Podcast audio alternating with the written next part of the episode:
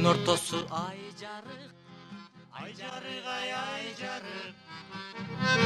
Көккө жүрдүк бак аралап айланып айланып ай айланып бир убакта мындай сунуш кирип мындан элүү беш жыл мурун көз өткөн мидин алыбаев бүгүн деле биз менен аралаш жашап жаткандай туюлат десек болот махабат ырлары күнү бүгүнкүдөй ырдалып эл арасында күлкүлүү жоруктар айтылып жазылып жатат. Анын ырларын окуганыбызда укканыбызда лирикалык каарман тирүү бойдон жапжаш бойдон арабызга кирип келет. Ким жыттабайт сүйүү чиркин гүлүнөн күндөтөмүн терезеңдин түбүнөн. Кайырчыдай каранамын жалдырап алтын айтчы качан сенден түңүлөм? Бүт ээледиң жүрөгүмдү бийле мидиндин турмушу уламыш каарманындай жайдары жоруктарга бай мындан улам ал бүтүндөй өмүрүн күлкү шаң күлпөт менен өткөргөн бактылуу адамдай сезилет. Акындын көзүн көрүп калган жазуучу сейит жетимишев мидиндин өзүнөн уккан тамашаларынын бирин мындайча айтып берди. Мен радиодо иштеп жүргөн кезим болчу. Э, ал кезде жаш кез э, кээде чогулуп алып ичмей да болчу. Анан э, чогулуп алып ичкен экенбиз эртеси күнү эртең менен турбай башым ооруп турбай калыптырмын анан бирөөлөр айтты жүгүрүп барып тиги үйүңдүн жанындагы эмеден кафеден барып бир жүз грамм вино иче койсоң башың жазылып калат деп. Таң атпай эртең менен мен жүгүрүп барсам ал жерде мидин отуруптур анан кийин сен да келип калдыңбы деди мени мен уялып анан кийин чынымды айттым. Анан айтсам ал айтат мен мен отурсам дейт бир күнү дейт сага окшоп эртең менен келип отурсам эртең менен нерсе бир министр келди дейт. Анан келип алып мени кашыктады дейт. И мидин отурган экенсиң деп дейт. Анан анда мен айттым дейт. И макул мен отурам. Ал эмне сен кечиз окуганы келдиңби бул жерге? дедим дейт. Мидин алыбаевдин таң атпай ал жерде отуруп калышына анын жоруктары көбүнчө ичкилик маселесине байланыштуу эскерилишине эмне себеп болгон кыргыз эл акыны төлөгөн мамиевдин айтымында алыбаевдин чукугандай сөз тапкычтыгы ошол кездеги көпчүлүк жетекчилерге жаккан эмес. Ушундай карама каршылыктар буулуккан ызаланган акындын жан дүйнөсүн көп азапка салган. Ал э, мындай сынчы эмес чыныгы кыргыздын акыны болгон. Этеги жанагындай кээ бир жерден аны ичсе да ичти ичпесе да ичти деп жүрүп этегин жыртып коюшкан кыргыздын жанагы узун кулак ошондо анын жини келип кайра ичип кеткен да. Мамеев бир миң тогуз жүз элүү сегизинчи жылы мидин алыбаев жазуучулар бирлиги тарабынан москвадагы декадага катыша турган болуп даярдалып бирок ал кездеги маданият министринин кийлигишүүсү менен калтырылганына да катуу ызаланганын айтат. Ошол эле мезгилде төлөгөн мамеев бир миң тогуз жүз элүү тогузунчу жылы мидин киши колдуу болуп каза болгон деп шектенет. кырк төрт жашында киши колдуу болуп каза болгон. Мидин деген сөз райхан око кыргызга бүтүн тарап кеткен эң чоң акындардын бири. Жусуп баласагын атындагы улуттук университеттин профессору садык алахан болсо акындын өзүн шайдоот шайыр алып жүргөнүнүн коомдогу окуяларга мыскыл менен караганынын себеби чынында эле тереңде болгонун айтат. Турмуштун бир мындай бир туура эмес жактары көбөйгөндө турмуштун бир мындай кыйшык жагы көбөйгөндө чыныгы таланттар аны юмор катары кабыл алып аны тамаша катары айландырып ошентип өздөрүн өздөрү сактаганга аракет кылат да.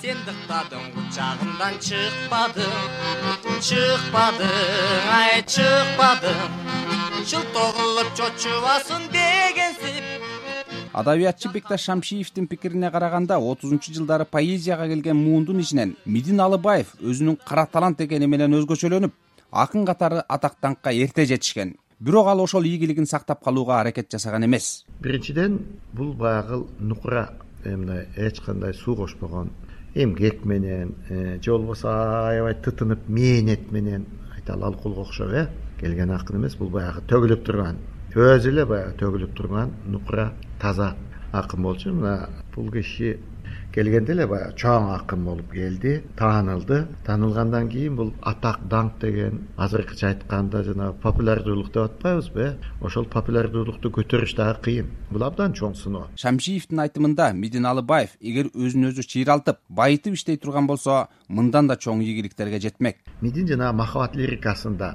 ачты ошол өзүнүн ким экендигин өзүнүн сезимин өзүнүн өзүнүн туюмун. Ал эми алкулга окшоп бул дайым өзүн өзү сабалап өзүн өзү кыйнап мээнетке башын үйүп алып э бийик деңгээлге чыгып мидин алыбаев бийик деңгээлге чыкса албетте кыргыз поэзиясы дагы бийик деңгээлге чыкмак да.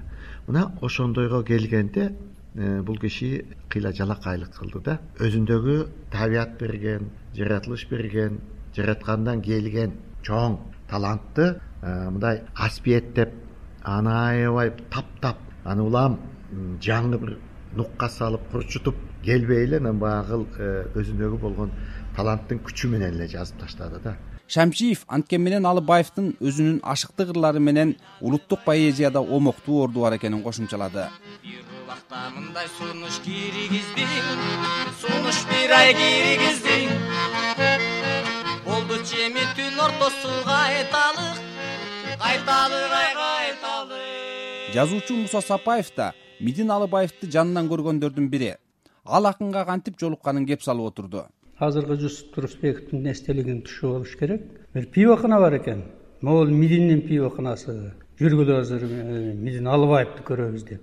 Анан кирип барсак чын эле ошол жерде ал кезде мындай тике туруп тегерек столчук болчу ошондо пиво ичебиз баягы советский кружкалар менен. Ошону алдына коюп кармап алып бакылдап ыр окуп отурган жылаң баш киши туруптур тегерегинде болсо жанагы балга жабышкан арыдай болуп отуздай адам топурашып кол чаап күлүп жайнап туруптур. Андан ошодон кийин э, мидин алыбаев менен таанышып калдык ырларын угуп калдык. Ал кишинин чөнтөгүндө дайыма мына окуучунун дептериндей болгон дептер жүрчү. Бир бүктөп салып алат эле. Анан кийин ошондо шариковый ручка деген жаңы чыккан мода ошодон алып алып эле ошо отурган эле жеринде жаза берчү өзүнүн мындайча айтканда баягы вулкандай кайнап турган киши эле да. Ошол кезде адабиятка болгон кызыгуусу артып турган жаш жигит муса сапаев аталган жерден алыбаевка далай жолу жолуккан. Мидин баскан турганы жашаганы адамдарга жасаган мамилеси кулк мүнөзү менен нукура таланттуу акын эле дейт ал.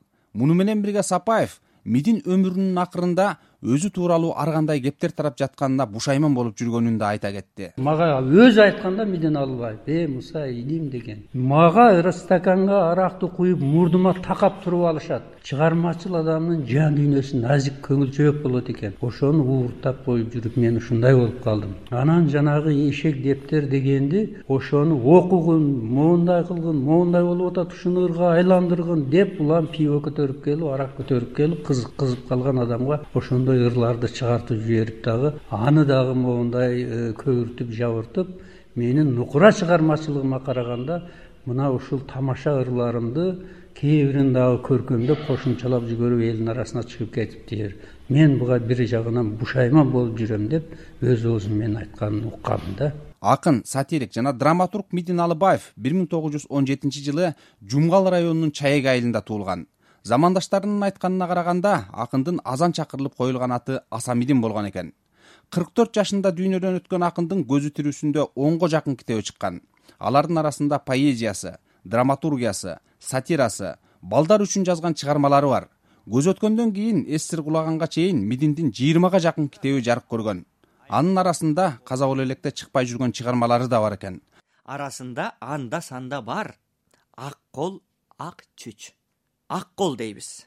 Ал анткени колу тийбейт оор же кара жумушка эзелтеден эби келбейт кечирээк жатып эрте турушка чоочунча коомай карашат коомдук жана үй турмушка.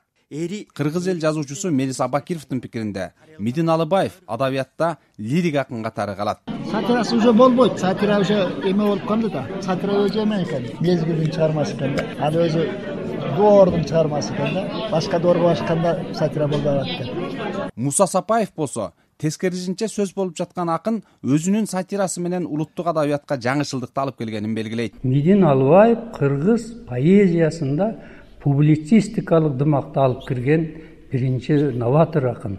Мына бул жагы белгиленбей жүрөт.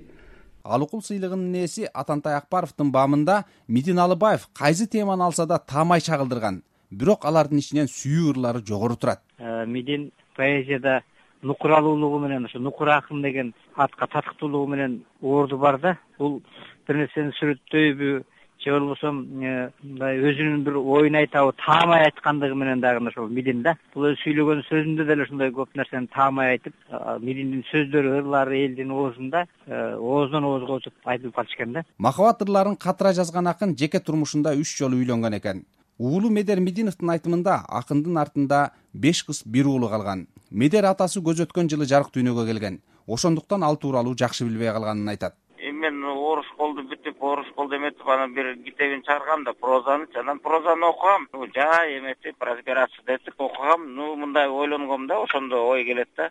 Мой отец оказывается великий человек. Медер мединов архитекторлук кесиптин ээси экен өз сөзүндө ал белгилүү акындын жалгыз уулу экенине карабай өзү суранып ооганда жоокердик кызмат өтөп келгенин айтты. Зайырбек ажыматов азаттык жактандагы кызыл гүлдөн жыттадым жыттадым ай жыттадым